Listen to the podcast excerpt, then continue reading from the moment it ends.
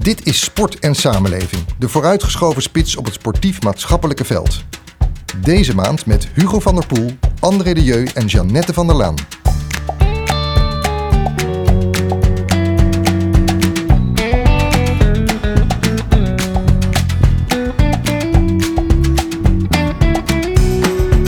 Welkom bij de Sport en Samenleving podcast. Een maandelijkse podcast met uw host Leonard Boy, de gast van de maand en andere deskundigen voor je maandelijkse dosis inspiratie en wijsheid over beleid en praktijk in de sport. Deze podcast is een initiatief van Team Sportservice, uitvoerder en adviseur van sportbeleid in de lokale praktijk en de provinciale sportorganisatie van Noord-Holland, Zuid-Holland en Utrecht. In deze podcast bespreken we de ontwikkelingen en uitdagingen van het sportbeleid in de lokale praktijk. Iedereen die in deze wereld van sport en samenleving actief is, van bestuurder, ambtenaar, buurtsportcoach tot vakleerkracht of trainer, willen we met mooie gasten inspireren en wijzer maken. Deze keer met André de Jeu en Jeannette van der Laan over hoe gemeenten vormgeven aan sport en bewegen in de buurt in het nieuwe normaal van de anderhalve meter samenleving.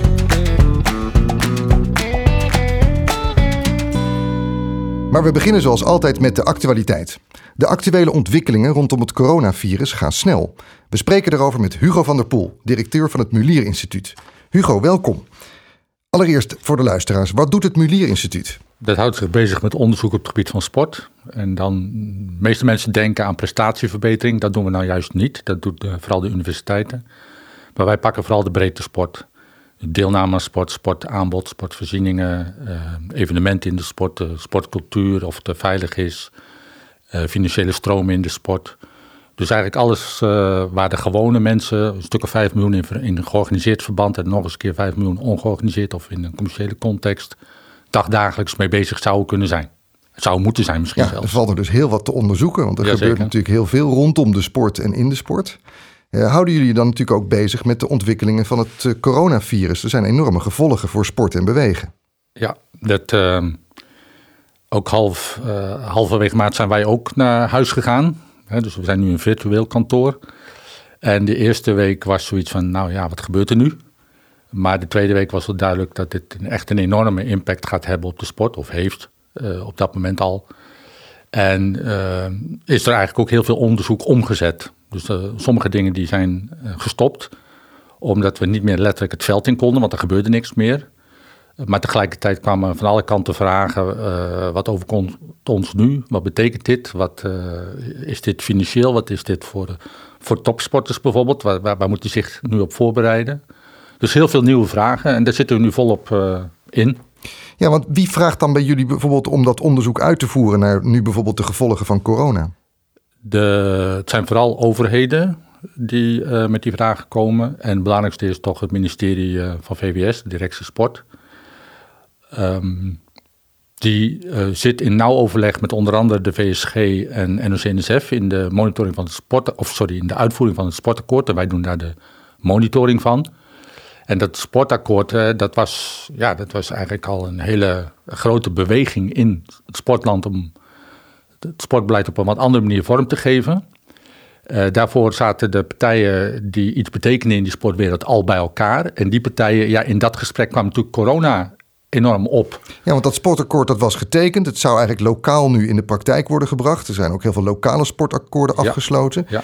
En ik kan me voorstellen dat jullie natuurlijk ook willen monitoren. Hoe staat het er nou, nou voor? Hoe gaat dat wel of niet nu toch in de praktijk eh, gevolg krijgen? Ja, dat is in elkaar gaan overlopen. Dus we- zagen in de monitoring van dat sportakkoord dat eh, lokaal en, en bij de bonden en bij de verenigingen en nou ja, iedereen wie ermee bezig is, dat ehm, ja, men zich nu had te verstaan met het, met het verschijnsel corona. Eh, dat de sportverenigingen stil lagen, dat de accommodaties gesloten werden. Eh, natuurlijk heel veel financiële problematiek en vragen en onzekerheden. En wanneer mogen we weer open en kunnen we nog wel een evenement organiseren? En die vragen die, die gingen steeds meer domineren. Dus ook in het onderzoek is dat door elkaar gaan lopen. En nu is een groot deel van het onderzoek is eigenlijk uh, niet zozeer meer op de uitvoering van dat sportakkoord gericht, maar op wat betekent dat corona uh, verhaal voor de sport. Ja. ja, want dat onderzoek dat gaat over een paar weken verschijnen. Dan komt er een soort eerste rapportage van de kant van, van jullie vanuit het instituut. Kun je ons toch al een beetje een tipje van de sluier oplichten van wat zijn nou de eerste dingen die jullie echt tegenkomen waarvan je zegt, ja, daar moeten we straks met name in de samenleving en ook misschien al beleidsmatig en politiek echt wat mee gaan doen? Nou, wat opvalt zijn de grote verschillen. De sport blijkt toch een heel divers landschap te zijn. En het is echt heel verschillend of we het hebben over evenementen of over uh, de topsporters die daar moeten presteren. die, zitten daar op een andere manier in dan de evenementenorganisatoren. Er zijn grote verschillen tussen type sport. golf, dat kan nu weer zo'n beetje, maar contactsporten, ja, dat weten we niet wanneer dat kan. Ehm, de vormen waarin het is georganiseerd, dus de, er is een kleine opleving in, in thuissporten. Dat, dat is altijd een relatief onzichtbaar iets geweest. Maar ja, daar heeft nu iedereen het over. En, en heel veel mensen doen dat ook. Uh, maar tegelijkertijd de verenigingssport, ja, die heeft stilgelegen. Dus de buitensporten of buiten kan het dan nu weer een beetje. De sportscholen, die, die hebben het heel moeilijk. Die zijn natuurlijk gemengd blij met het bericht dat ze nu waarschijnlijk 1 juli open kunnen. Maar ja, dat is gewoon heel, uh, heel zwaar voor die scholen om al die tijd dicht te zijn. En misschien nog iets te doen met filmpjes en online aanbod, maar dat is toch natuurlijk niet het echte werk. En eh, nou ja, dus het is een heel divers beeld. En bepaalde... Je schetst inderdaad een heel mooi divers beeld. Daar kan ik me meteen heel veel bij voorstellen.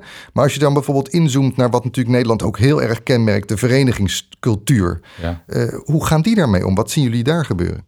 Daar zien we dat er, um, de vereniging over het algemeen inschatten dat ze het zouden moeten kunnen overleven.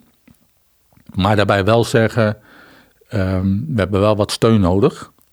En daar denken ze vooral aan uh, geen huur betalen en minder bondsafdrachten. En uh, daarbij is het natuurlijk heel erg afhankelijk van wat voor soort vereniging het is. En we zien dat de grootste problematiek zit bij de grote verenigingen met veel vaste lasten. Dus dat, denk aan uh, voetbal, hockey, tennis. Um, die hebben vaak zelf accommodatie. Uh, hebben hoge huurlasten, of relatief hoge huurlasten. Um, hebben soms ook personeel in dienst of medewerkers, uh, mensen in de kantine of uh, trainers die ze betalen. En dat zijn doorlopende vaste lasten. En ja, er staan nu weinig inkomsten tegenover. En zeker de variabele inkomsten, dus de kantineinkomsten, die, die zijn er op dit moment niet. Dus die, die hopen dat de leden niet hun contributie terugvragen en zometeen ook weer terugkomen. En dan denken ze, nou, als dat lukt, dan kunnen we een heel eind komen. Uh, als we uh, tijdelijk geen huur hoeven te betalen. En daarnaast heb je natuurlijk verenigingen die, die uh, weinig vaste lasten, uh, omdat ze geen personeel hebben en drijven op vrijwilligersinzet. En ja, dat is nu hun kracht. Want die vrijwilligersinzet, ja, die, dat is geen, geen vaste last in de zin van uitgaven. Ja, en misschien zijn die vrijwilligers ook wel extra gemotiveerd. Die willen die vereniging overeind houden, die willen meedoen, die hebben misschien ook wel wat meer tijd. Uh, ja, meer tijd. Over het algemeen zijn ze er redelijk eh, positief over. Dus de, de, het doorlopen van het verenigingsleven, de meesten zien dat wel gebeuren. Er is wel een deel die toch bevreesd is dat als het erg lang duurt, dat het dan uitdooft. Dat dan mensen wat anders gaan doen. Of, of, uh... Nou ja, je hoort ook wel berichten dat er misschien juist tot allerlei positieve nieuwe effecten zou kunnen leiden. Hè? Dat mensen zich nu meer zelf organiseren. Of zoals je zelf al aangaf, thuis aan de slag gaan. Eh, met allerlei apparaten. Of eh, misschien een klein verband in een park. Is even een soort zensport met elkaar op gaan zetten. Ik zag het vanochtend op de fiets hier naartoe nog. Een hele groep dames op leeftijd die met elkaar in een park, ik had het daarvoor echt nog nooit gezien, opeens uh, in allerlei uh, zenhoudingen stonden. Ja. Uh, misschien levert het ook wel ontzettend veel positieve nieuwe ontwikkelingen op. Het levert zeker wat nieuwe initiatieven op. Ik geloof dat er vandaag Nationale Balkonbeweegdag is, georganiseerd door het Ouderfonds. Dus dat zijn leuke initiatieven, zeker. En we verwachten ook wel dat een deel ervan beklijft, omdat dat uh, misschien wel een versnelling is van iets wat toch al gaande was. Hè, met name wat we dan wel noemen de digitalisering van de sport. Dus denk aan de opkomst van allerlei uh, apps hè, als uh, Strava en Runkeeper enzovoorts. Het, het videosporten, dus dat je beeld hebt en dat kun je dan nadoen. en ehm, ook het organiseren van activiteiten via de sociale media. Dus daar zit wel waarschijnlijk een soort versnelling in. En dat, daar zal ook wel iets van blijven hangen.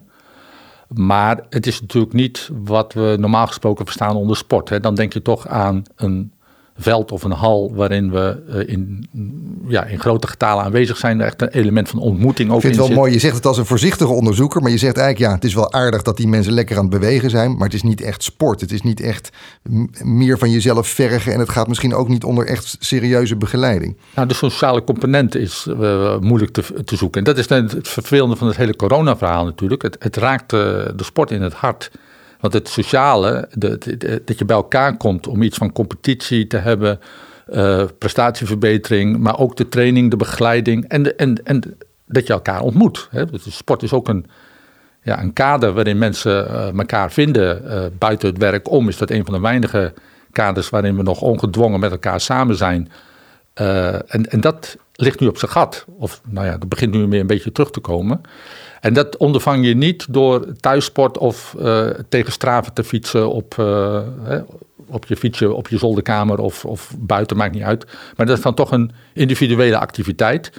Dus qua beweging en gezondheid prima. Maar sport is meer dan dat. Dat is een heel belangrijk deel ervan, maar die sociale component is ook heel erg nou, belangrijk. Dat, heb je, mooi, dat heb je mooi verwoord. Tot slot, jullie hebben zo meteen dat onderzoek af. Wat is dan eigenlijk de hoofdboodschap aan de overheden, zowel de landelijke als de gemeentes? Ik kom denk ik niet één hoofdboodschap. Om, het is heel verschillend allemaal. Hè. Dus uh, het zullen verschillende boodschappen zijn. Uh, voor de evenementensector ja, is het gewoon een heel somber verhaal. Ik, ik kan er denk ik niet meer van maken. Zolang men blijft roepen dat grote bijeenkomsten niet mogelijk zijn. Zeker niet in binnenruimtes. Ja, wat gaan we dan doen? Um, voor anderen, hè, dus de, de buitensport. Ik, een van de dingen die we nu zien is hoe belangrijk die buitenruimte is. En um, tien jaar terug is het recreatiebeleid eigenlijk gestopt, in ieder geval op landelijk niveau. Maar we profiteren nu enorm van de wandelpaden, de fietspaden, de buitenruimte, de parken, uh, watervoorzieningen, waar we nu dan ongedwongen uh, toch nog gebruik van hebben kunnen maken. En dat was ook iets wat al groeiende was. En dus een van de dingen zal zijn, let op die buitenruimte, op beweegvriendelijke omgeving, de fietspaden enzovoorts de inzet van de buurtsportcoaches, moet ik ook even noemen. Want die, uh, die, die zorgen eigenlijk voor uh, handjes, dus een soort verlengde van het bestuur, om toch iets te organiseren. En die buurtsportcoaches die, die deden al van alles, maar die hebben dus nu ook heel snel nieuwe taken kunnen oppakken. Zoals een vereniging ondersteunen met hoe overleef ik die coronatijd. He, in organisatie, maar ook in mijn aanbod, met video aanbod en dergelijke. Um, dus die, die, die, dat is in de uitvoeringszin heel erg handig gebleken nu. En uh, het lijkt me ook iets om uh, in het lokale beleid op, op voor te zetten. Dus verder te gaan met, uh, met op die manier ook de georganiseerde sport ondersteunen. En als laatste noemde ik net al richting die verenigingen. Ik denk dat de verlenging van de maatregelen die er nu zijn om ze van huur vrij te stellen, dat dat heel erg belangrijk zal zijn voor de verenigingen om deze tijd te overleven. Ja, dus je zou kunnen zeggen, let als eerste op je zaakoverheid voor die grote buitenruimtes, die groene ruimtes, die echt benut moeten blijven worden om lekker te kunnen bewegen. En dat is iets waar we gewoon misschien wat meer aandacht voor zouden mogen hebben. Voor gemeenten die rol van die buurtsportcoaches. En misschien ook nog eens wat creatiever kijken hoe verenigingen en, en buurten samen kunnen optrekken. En tenslotte toch die financiële compensatie doorzetten en de nou, zeg maar ontlastende maatregelen om verenigingen de komende maanden te laten overleven heldere conclusies en aanbevelingen. Hugo, ik wil je heel erg bedanken voor dit gesprek. Blijf gezond en succes met het onderzoek. Dankjewel. Ja, dank. Dan is het nu tijd voor een gesprek met onze hoofdgasten. André de Jeu, directeur Vereniging Sport en Gemeente. En Jeannette van der Laan, wethouder sport bij de gemeente Lisse. En ook landelijk verantwoordelijk binnen D66 voor sport. Die zitten hier. Welkom jullie alle twee. Jeannette, mag ik met jou beginnen? Waar komt jouw passie voor sport vandaan? Ja, die is eigenlijk al heel vroeg uh, begonnen. Als klein meisje ging ik mee uh, naar de voetbal. En uh, ik ben een voetballer, nog steeds. Voetbal is mijn passie en ja, daar is de liefde voor de sport ontstaan. Bij FC Lisse, we hebben vorige week weer voor het eerst mogen trainen. ik zit dan in de, in de 35-plus competitie. Met, ik speel gemengd, hè, dus ik ben vroeger ook begonnen in het gemengde voetbal. En uiteindelijk via Terleden en het Nederlands team bij de vrouwen natuurlijk terechtgekomen. En na mijn carrière ben ik weer terug bij FC Lisse gekomen. En dan speel ik gewoon lekker voetbal. Ja, André, dan ook voor jou de vraag: waar komt de passie van sport vandaan? Ja, nou, ik ben als klein kind uh, in het zwembad geplonst. Zoals alle kleine kinderen dat, uh, dat plachten te doen. En uh, ben vanaf mijn vijfde, zesde bij een waterpolovereniging in Al van der Rijn... waar ik nog steeds woon, terechtgekomen. En via de top in Europa tot op de dag van vandaag ben ik betrokken bij die vereniging. Ligt zelf niet meer zoveel in het water als ik heel eerlijk ben. Maar ja, ik heb Europa Cup finales mee mogen maken. Heel veel landstitels, bekerfinales, veel gewonnen. Dus ik, ja, ik ben met de paplepel letterlijk ingegoten gekregen en nooit meer weggegaan uit die sportwereld. Ja, mooi. Nou, er zitten hier dus twee zeer bevlogen sporters en ook zeer betrokken bestuurders. Want jullie zijn inmiddels natuurlijk heel bestuurlijk actief. Uh, Jeannette, jij bent uh, zoals gezegd wethouder sport in Lisse. En André, directeur bij de Vereniging Sport en Gemeente. En als ik het goed begrijp, ook voor onze luisteraars, is dat nauw verbonden aan de Vereniging Nederlandse Gemeenten. Ja, we zijn er zelfs gevestigd. Het is een zusterorganisatie van de Nederlandse gemeentes, uh, van de VNG. En ehm, ja, inderdaad voor de luisteraars even goed om uit te leggen dat in Nederland hebben voor alle vormen van beleid hebben we, uh, hebben we wettelijk kader, zo heet dat dan. En dat herkennen we dan meestal dat je daar ook nota's van moet hebben. Dus cultuurnota's en een gezondheidsnota en een zorgnota. Maar voor sport is dat niet zo. Geen idee waarom dat niet zo is. Het is het enige beleidsveld waar geen uh, wettelijk kader voor is. En dat betekent eigenlijk dat je dat het makkelijkste kunt herkennen. Dat elke gemeente eigenlijk kan doen wat hij wil. En gelukkig bestaan wij al 70 jaar, dus we proberen er wel dat het een beetje um, overal toch ook wel een rode draad te vinden is. Dat het ook wel overal een beetje. Ja, je probeert dat enigszins te coördineren. Uh, want dan beginnen we meteen uh, op het lokale niveau van, uh, van Lisse, Jeannette. Want het lokale sportbeleid, hoe staat het er momenteel voor? Hoe gaat het? Nou, dat gaat eigenlijk hartstikke goed. Wij hebben ruim een jaar geleden in Lisse al het, het lokale sportakkoord vastgesteld. Uh, en dat heeft dan uh, drie pijlers. Hè, een sportieve basis voor de jeugd, een leven lang bewegen en dan die belangrijke buitenruimte, dus sportieve buitenruimte. Um, dat hebben we ook in samenwerking met de VSG uh, gedaan. Daar hebben we heel veel gehad aan de adviezen. En hoe het dan nu gaat, ja, daar plukken we nu dus de vruchten van. Want de sport wordt weer opgestart. En dus buurtsportcoaches onder andere, die zitten daar bovenop. Het netwerk zit er ook uh, bovenop. Dus ik vind dat het uh, goed gaat. En ik ben natuurlijk blij dat de sport weer een beetje op gang komt nu. En wat is er de afgelopen tijd bedacht om toch het bewegen en het sporten in buurten en wijken aan de gang te houden? Heb je daar mooie initiatieven gezien? Nou, ik heb er zeker uh, mooie initiatieven van gezien. Maar even voor uh, de duidelijkheid. Lisse bestaat met name uit een sterke verenigingsstructuur. Uh, dus die verenigingen die hebben het opgestart. En toen Rutte de maatregelen aankondigde dat er een versoepeling mogelijk was... hebben wij in overleg met ons netwerk, met die verenigingen... het kader afgesproken. Want je hebt aan de ene kant het kader... Maar dan heb je nog de interpretatie. En de interpretatie is aan de lokale overheid in samenwerking met die verenigingen. Uh, daarna zie je natuurlijk wel in de openbare ruimte dat de commerciële sportaanbieders natuurlijk heel creatief zijn. Uh, nou, daar ben ik alleen maar blij mee. Dat geeft natuurlijk ook soms wel eens lastige situaties hè, in de handhaving enzovoorts. Maar het goede gesprek is daar wel. En mensen zijn in beweging. Ik zie heel veel mensen wandelen, fietsen. Het is zelfs drukker dan ooit uh, op straat. Dus ik vind wel ook dat de crisis in, in die zin ook mensen wel echt in beweging krijgt. Ja, dat is ook inderdaad wel weer misschien een, mooie kant van de rare tijd waarin we nu zitten. André, je bent uh, zoals gezegd op nationaal niveau uh, actief. gelieerd dus aan de Vereniging voor Nederlandse Gemeenten. Hoe vind jij nu dat het op dit moment gaat in relatie tot het kabinetsbeleid, de maatregelen die zijn afgekondigd? Is er voldoende aandacht en ruimte binnen dat beleid voor de gevolgen voor, voor sport en het verenigingsleven? Nou, dan, dan moet ik wel eerst aan de voorganger Bruno Bruins en de minister van Sport, maar ook van Zorg dus. Maar ook aan Martin van Rijn echt hele dikke complimenten geven. Als je alleen al deze week heb ik drie keer overleg met hem gehad. En dat doen we dan samen met de directie sport van het ministerie van VWS natuurlijk. En, um, en in dit geval ook met NRC-NSF, die dat natuurlijk mede namens de georganiseerde sport doet. Maar dat, dat is echt wel wonderbaarlijk. En, maar ik, ik geloof niet dat ik iemand hoef uit te leggen op dit moment dat het woord bewegen, elkaar ontmoeten. Nou, zeker toen we nog niet open mochten als het ware met z'n allen.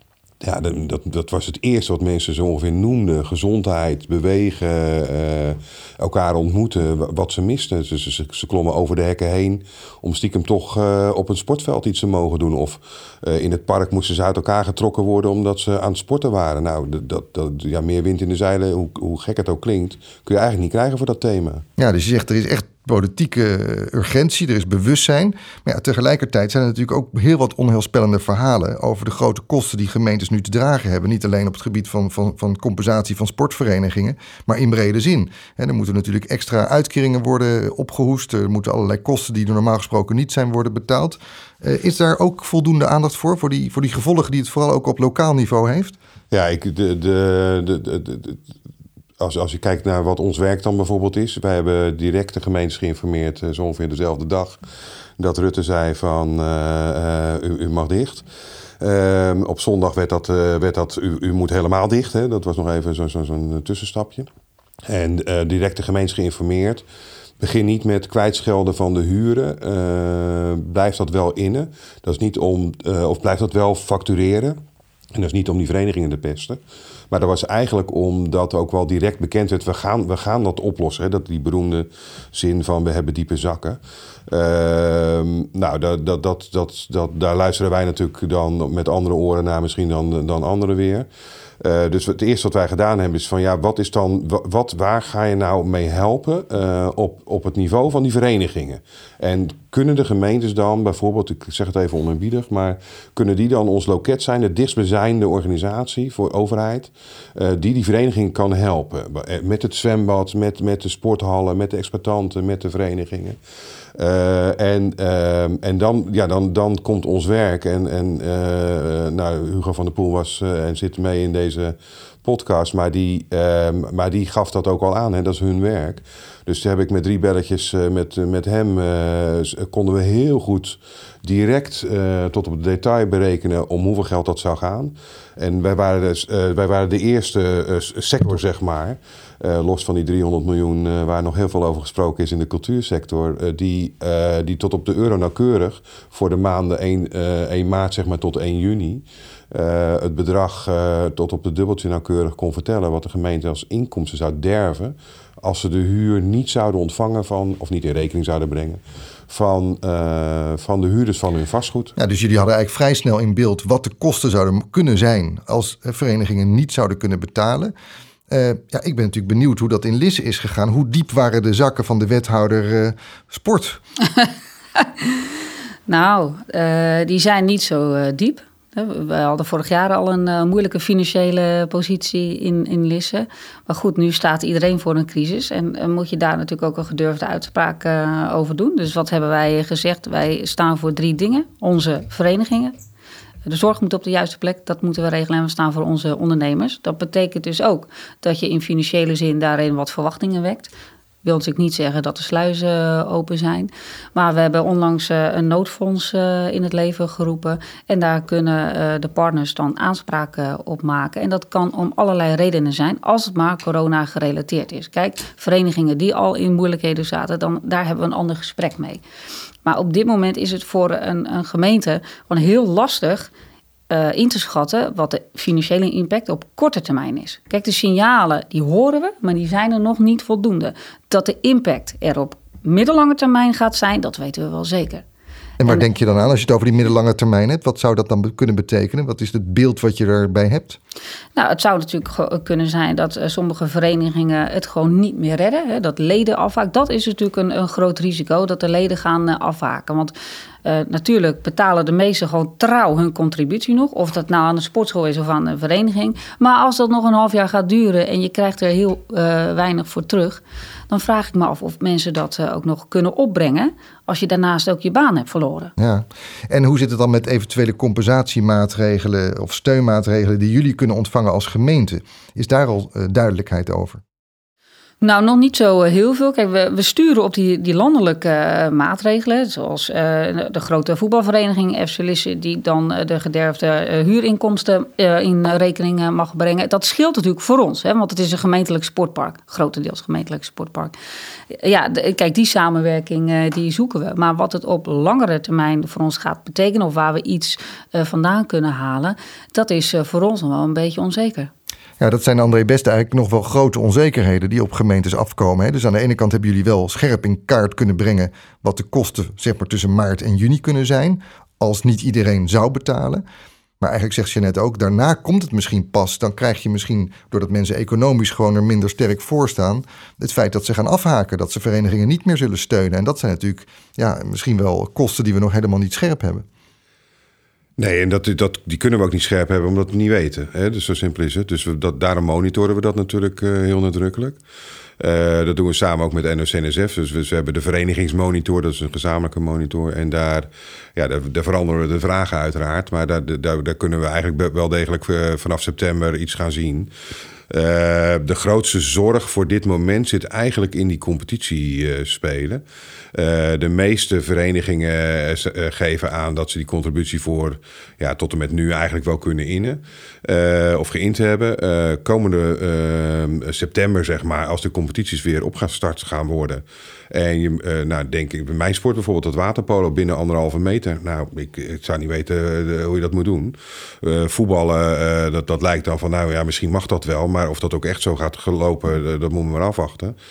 Uh, maar heel veel andere sporten ook. Dus dat betekent uh, dat als, als, als je geen competities, dan, dan zou je kunnen verwachten dat verenigingen het moeilijk gaan krijgen om hun contributies te innen voor een deel die dat competitiespelen zo ontzettend leuk vinden. En zou dat dan ook bijvoorbeeld toch consequenties kunnen hebben, omdat natuurlijk sport geen verplichte taak is voor gemeenten, voor bijvoorbeeld die buurtsportscoachregeling? Zie je, zie je daar dingen door in gevaar komen? Nee, want dat zou natuurlijk wel. Uh, ik, ik, ik, ik, wil niet wethouder natuurlijk, maar, maar voor, voor het hoofd stoten. Maar Ehm, maar dat zou wel de domste bezuiniging zijn die je kan, kan bedenken. Want je krijgt namelijk per buurtsportcoach ook nog heel veel geld van het Rijk. Dus, de, uh, dus, dus als je uh, grofweg de helft zeg maar, van het salaris van zo'n buurtsportcoach van het Rijk krijgt. en de andere helft moet je organiseren. en je weet dat uh, eh, 1 euro investeren in sport en bewegen en gezondheid. op via sport en bewegen. dat dat ongeveer 5, 6 euro niet uitgeven in de zorg betekent. Op een later moment dan denk ik dat ik dat wel uitgelegd krijg in elke collegezaal dat dat niet zo'n handige uh, bezuiniging zou zijn. Ja, Jeanette, werkt dat inderdaad ook, ook in positieve zin door? Dat bijvoorbeeld door die buurtsportcoaches toch ook mensen bereikt worden uh, die wij spreken normaal gesproken dan niet of minder zou bewegen? Zeker, zeker. Ja, we hebben één uh, buurtsportcoach die is echt gerelateerd aan, uh, aan het welzijnswerk. Hè. Dus die, die zoekt wat oudere doelgroepen op, onder andere door te wandelen. Maar dat was al vorig jaar ingezet. Hè. En daar zie je nu natuurlijk ook dat zij wel de mensen kunnen bereiken die misschien wat eenzamer zijn in deze tijd.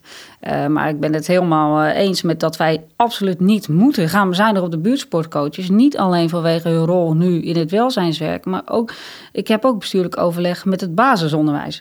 Het onderwijs en de sport zijn de eerste die, de thema's die versoepeld zijn. Het basisonderwijs denkt niet in eerste instantie aan gymmen. Ja, want er moet natuurlijk uh, ingehaakt worden op uh, Nederlands uh, en weet ik veel wat. Maar bewegen is ook hartstikke belangrijk. Alleen de gymzalen mogen in onze veiligheidsregio nog niet open. Dus dat betekent dat het basisonderwijs heel anders moet gaan denken over het bewegingsonderwijs. En daar kunnen die buurtsportcoaches nou weer opgezet worden. Want die zijn het gewend om die kinderen mee naar buiten te nemen.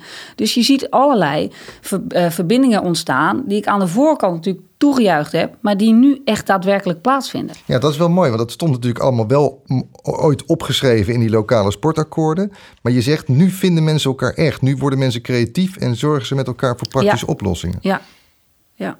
Nou hoorde ik ook onder andere dat bijvoorbeeld uh, uh, ja, er actief beweegtassen worden uitgedeeld om bijvoorbeeld de minima te stimuleren om, uh, om actief te worden, om te bewegen. en er ontstaat natuurlijk beweegaanbod veel meer online. zijn dat soort bijzondere initiatieven nu ook, ook meer in beeld? Zie je dat ontstaan?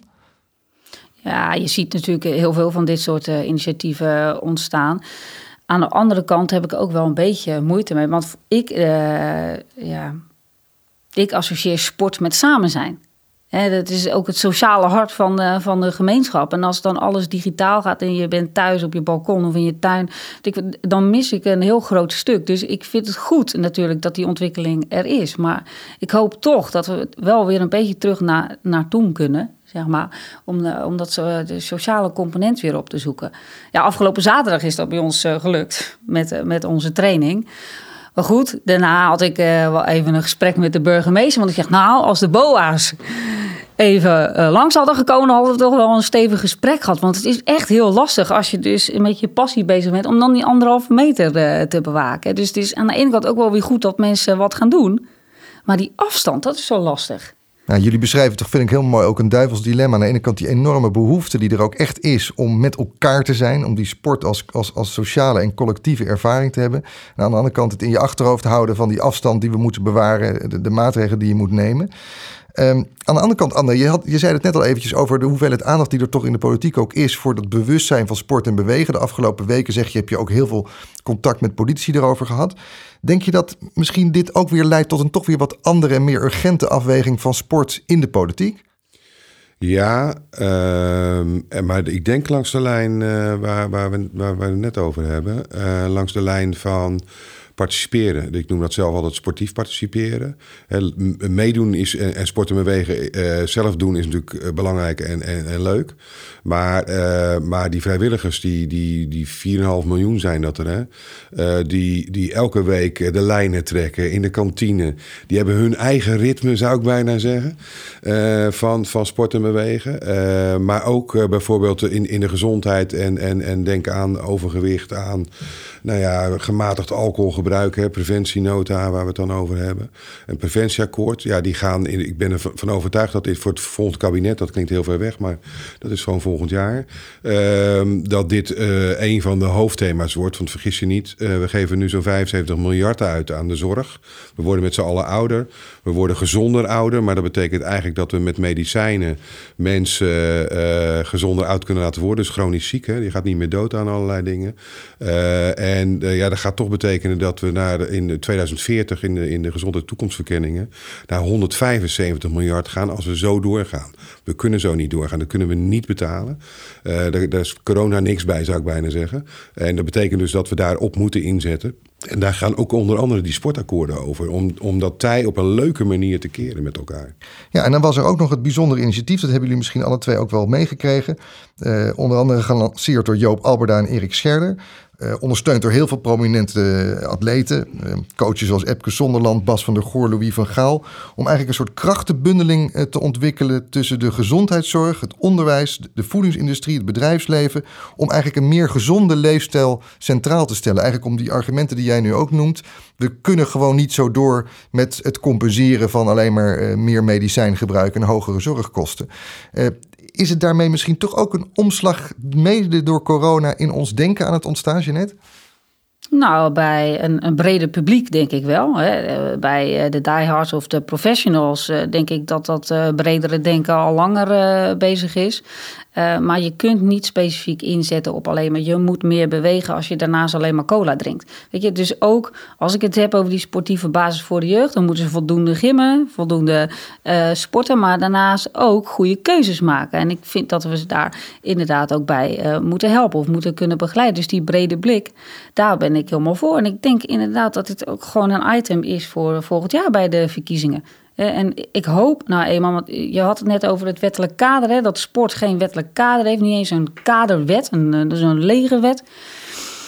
Daar moeten we toch echt een keer over gaan nadenken. Nou, daar wil ik eigenlijk naartoe met jullie. Want de, de volgende vraag, het is natuurlijk een prachtig initiatief van, uh, van Scherder en, en zijn vrienden, maar uh, je moet mensen toch ook, denk ik, misschien wel wat meer dwingen om met elkaar aan de tafel te komen van hoe gaan we dat dan doen? Als je het over de voedingsindustrie hebt of het bedrijfsleven, er zijn natuurlijk allemaal prachtige convenanten en pakten afgesloten.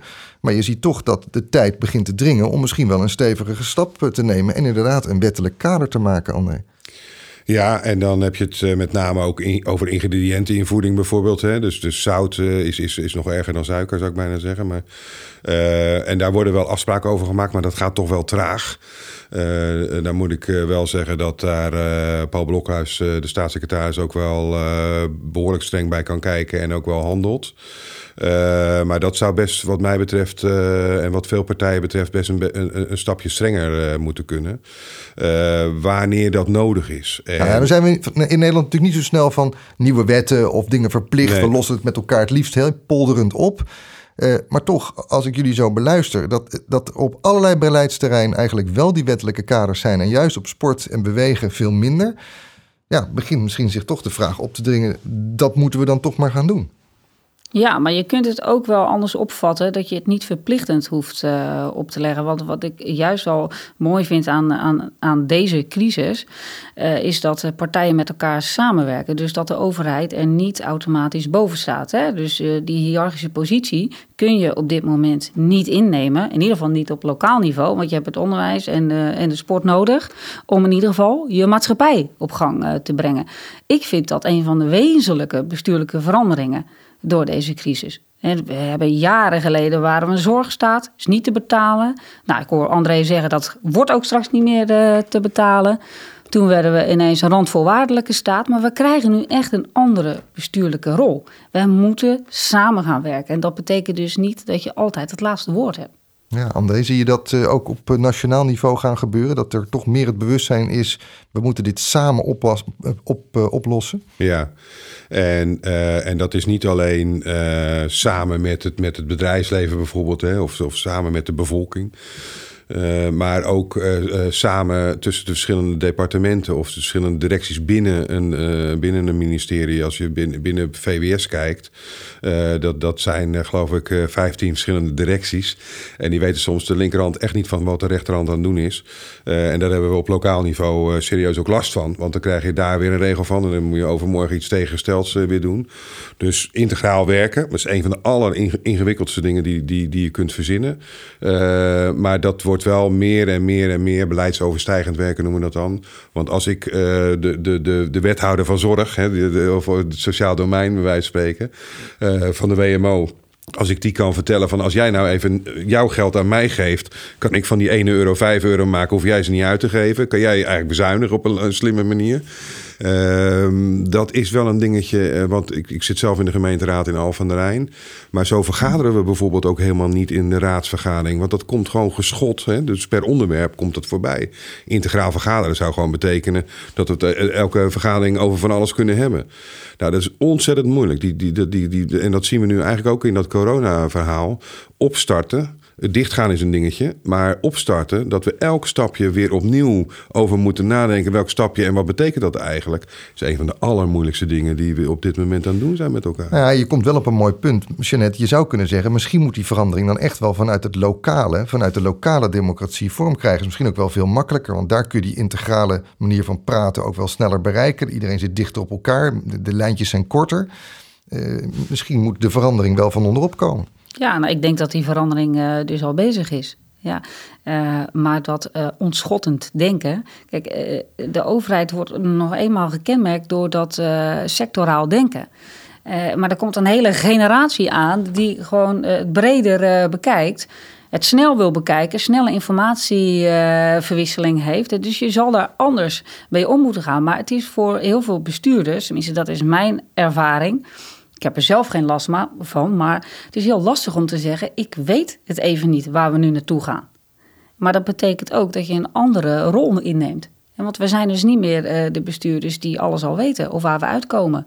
We zijn nu met de kadernota bezig. Nou, dat is, is het belangrijkste beleidsdocument uh, in de gemeente. Maar ja, wat moet je zeggen als je niet eens de financiële impact uh, weet voor over een paar maanden? Dus dat is, dat is behoorlijk fors, hè, als je nu niet kan zeggen waar we naartoe gaan werken naar de begroting. En hoe lossen jullie dat dan op? Nou, door gewoon te stellen uh, wat we wel weten nu en wat we niet weten. Uh, en dat we dus met een levend document moeten gaan werken. Ja, dus veel meer ook met gewoon open vragen. Uh, open vragen, sneller werken. Je ziet binnen ons ambtenarenapparaat, we hebben een soort hybride vorm nu. En wat de afgelopen maanden zaten we in de crisisorganisatie. Nou, een crisisorganisatie neemt snelle beslissingen, worden, worden dingen snel in gang gezet. In een normale ambtelijke organisatie duurt dat veel langer. En nu zie je ineens, ja, maar waarom kan het dan wel snel? Dan wil ik het in een normale situatie ook snel. Dus dat, je ziet wel echt heel veel veranderingen. Mooi. Ja, dus er ontstaan toch ook wel weer andere gesprekken, zou je kunnen zeggen. Ook over waarom we bepaalde dingen doen zoals we doen. Ja. Maar jullie beschrijven eigenlijk ook wel dat als je echt wil dat die verandering beklijft, eh, dat er ook op nationaal niveau ontschotting plaats moet hebben, zoals het dan mooi heet. Waarbij er meer samenwerking eh, wordt uh, georganiseerd en waarbij eigenlijk dus ook budgetten voor elkaar mogen en kunnen worden ingezet. Ja, en dan zijn we natuurlijk toch weer terug bij een politiek besluit. Bij iets wat politieke partijen ook met elkaar moeten afspreken voor een komende regering. Ja, en dan kun je natuurlijk zeggen, is het wel een goed moment? Want we zitten misschien nou, anderhalf jaar voor verkiezingen. Er wordt nu geschreven aan veel van de partijprogramma's. D66 waar u uh, voor, uh, voor schrijft, kan ik me voorstellen. Is het dan een goed idee om dat er dan nu ook maar meteen in te zetten? ik zou er gelijk ervoor tekenen. Als sport en bewegen daarmee natuurlijk een prominentere plek krijgt. Ja, nou, ik, ik vind wel dat, uh, en die kans zullen we ook zeker uitgaan, dat we daar integraal naar moeten kijken. Maar overigens vind ik wel dat het kabinet het al op dit moment heel goed aanpakt. Hè? Want de maatregelen die ze afkondigen, de uitvoering en de interpretatie daarvan is aan de eerste overheid, aan de gemeente. En ja, dat vind ik dus wel een hele goede koers. Van bovenaf wordt niet opgelegd hoe wij het moeten gaan doen. Nee, het wordt niet dichtgeregeld. Nee, en dat zou ik alle politieke partijen mee willen geven voor volgend jaar. Probeer dus dan ook niet het coalitieakkoord helemaal dicht te timmeren. Ja.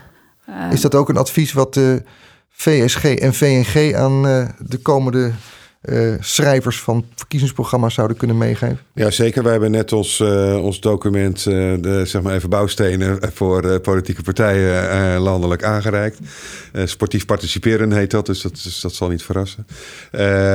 bouwstenen in die zin van dus inderdaad met die verschillende beleidsvelden. En dat is niet hetzelfde als hier heb je grabbelton en doe wat leuks ermee. en we zijn blij als u er eentje uithaalt. Maar bouwstenen ziet dan toch maar even als Lego, heel populair op het ogenblik. Maar als je een krat neerzet dan, en je gaat zeggen, nou bouw er een leuk huis van. Dan, en je zet tien mensen aan zo'n krat, krijg je tien verschillende huizen. Daar kun je rekenen, op rekenen. Dus wat wij ook doen is van als je gaat bouwen, maakt niet zoveel uit. Maar als je deze bouwstenen gebruikt, dan komt er wel iets uit wat we met z'n allen ook willen. En daar mogen die smaakverschillen per politieke partij wel in zitten. Maar het doel is dan toch hetzelfde.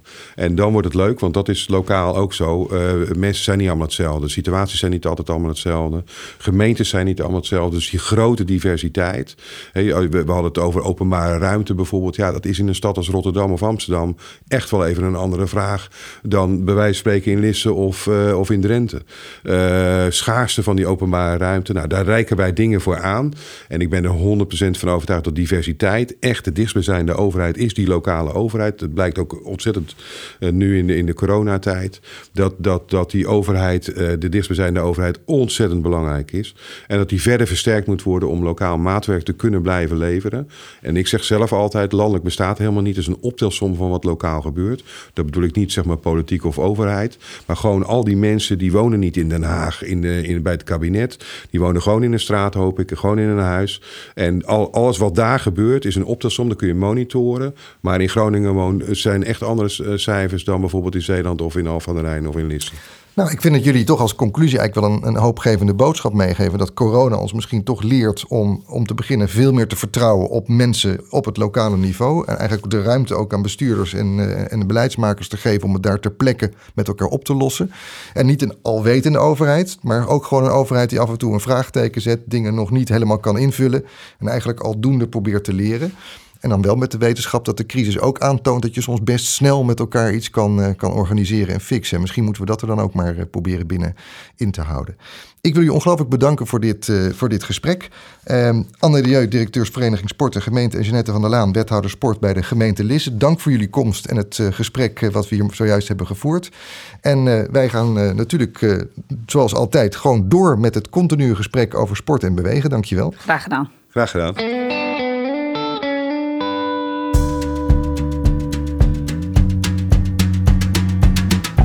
Onze podcast zit erop. We hopen dat je bent bijgepraat. Voor meer informatie, tips en vragen verwijs ik je graag naar het e-mailadres podcast.teamsportservice.nl. En Rico Damo, onze eindredacteur, staat altijd open voor goede adviezen en ideeën.